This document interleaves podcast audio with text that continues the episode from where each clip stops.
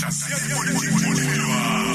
ipolitiki ngolimi lwakho 13 to 8 ngomsombuluko ke ngalesikhathi bakhona uNhlanhla Mtaka. Nhlanhla Mtaka umsunguli weNgabati Group eh, umhlaziyi wezepolitiki uyipolitical scientist. Uyakwazi ukuthi umlandele ku Twitter @Nhlanhla Mtaka lapho soke Paula ngezihloko ezahlukahlukene. Mtaka sikubingelele sikwamukela abendlovena amandla enhla nasezantsi siyayibingelela dadewethu Mtaka namhlanje sibheka isihloko esibalekile ukubaleka kokuthi abohlanga bazi amandla abo nanokuthi lokho kungaba namthelela muni ekuthenini kusombululeke inkinga zethu ngingasho kanjalo zepolitiki nomnotho. Akake swabheke lamandla abohlanga. Imaphi lamandla esinawo angiqale ngiyoguqula umbuzo dadewethu khona ngizowuphendula ngqo. Umbono wami uthi mhlazane abohlanga bawazi amandla abo iy'nkinga zabo zepolitiki nezomnotho ziyophela. Umbono wami loyo. Mhm.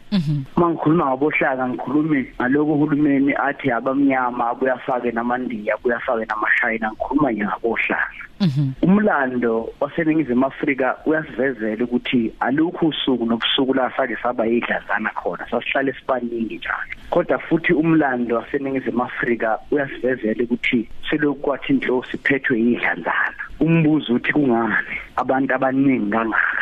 Abantu okuyibona bangena emathunjini omhlaba bamba igolide. Okuyibona baqala ibhizinisi lokuqala labohlanga lokushayela amatekisi. Okuyibona bavuka kusemnyama emzini yawise babuye sekumnyama emsebenzini. Okuyiningi bangabi nalutho. Kungani abantu abayiningi? Imfundo yabo imigaqo yabo ugesi namanzi bangawatholi kodwa abayidlanzana ezweni kugeleze konke lokhu kube kuhle konke. Kungani uma izingane zabo zigayiswa zimoto zihlongulwa ngabantu zijutshulwa ngabantu bangafiki omengameli bangafiki ondunankulu bangafika abaholi kodwa uma kuye kwasezedlanzana kwahlekule zedlanzana kuma yonke into bonke omengameli nabaholi baphambana emzini yalabo bantu. Lokho kulula. Usho ukuthi labo abayidlanzana bayawazi amandla. Bayakwazi ukuthi uma sekudwebe umuqa bazi ukuthi kuyogijima wasana kwaye kwakhona isikhathi lapha eningizimu Afrika dadewethu la khona abelungu la sebekhathele ukuphathwa umuntu abangafuni ukuthi amphathe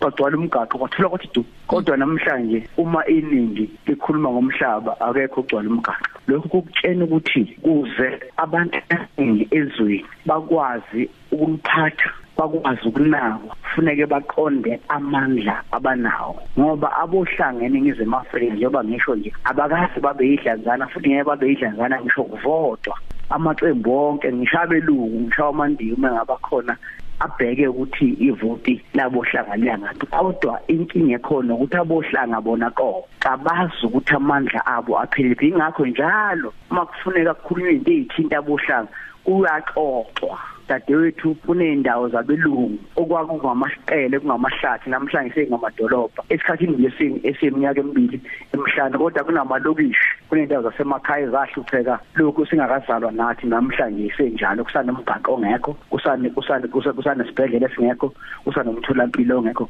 Ingoba laba abancane ngezibalo bayawazi amandla uma usomatekisi bakithi bewazi amandla abo bayopheza ukuthi belalela kukhulunywa ngomnotho wabo bengekho bona. Kodwa bese betshena ukuthi umnotho wabo uphathwe kanjani. Kukhaswe amabhasi afika izolo uhulumeni kuye kwamatekisi afike kuthanga angumnotho wethu. Uma beyindaba ohlanga bewazi amandla abo bayokwazi ukuthi mhlaba yeka ukubhalisa izinto ezijivaza ububona. Babhala izinto ezifundisa ububona basakaza izinto ezifundisa ububona ezikhambisa ububona bayeke ukusakaza izinto ezijivaza ububona bayobe sebewazi amandla omhlaba abohlanga baza amandla abo.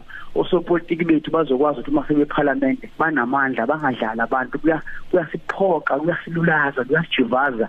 Uthi njalo uma sifunda idlanzana malenze ubugebengu liqala londleni nabaholi bethu kube yini enidlayo? Mhlabe banjiwe bese beniphalaza ukuthi nibakhulu ngaka nje nadla amathabo. Yiko ngithi mhla naza amandleni mhla saza amandlethu siyokwazi ukuthi esikufunayo ngeke sikulalele ngenxa yosopolitiki. Isibonelo umhlaba abohlanga bawudingi ngoba kusho iANC noma kusho iFF amandla abo kufuneka abatshene ukuthi ngisho lamaqembu omabili angavuka ekuseni kade ngasabanika umhlaba. Akuwona vese kufuneka abanike umhlaba abohlanga kufanele bafune umhlaba. Yiko ngithi mhlanaza amandleni ngiyokwazi ukuthi inkolo yenu imqoka nayo. Bangabi dadewethu sithi masingene ezitolo kuthiwa uhalala sisho ukuthi kubi ngoba phela inkolo yabo la. Kodwa ibani wakwasibuza ukuthi siyathanda yini ukudla uhalala into esikhofuza ukudla kuthiwa uhalala abantu bafaka inkolo yabo thina ngoba amandlethu asikusho ukuthi thina nathi sinale lethi isike singawuhala yiko ngithi ngoba siwazi amandlethu sihambe sidla sihambe siphathwa sihambe sitshena.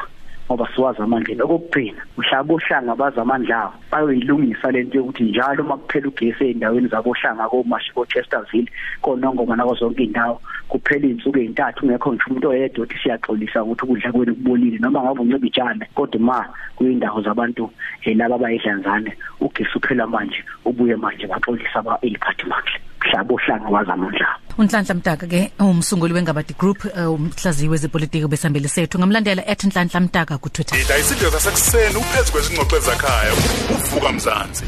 Ukhosi FM lushaya amaphiko.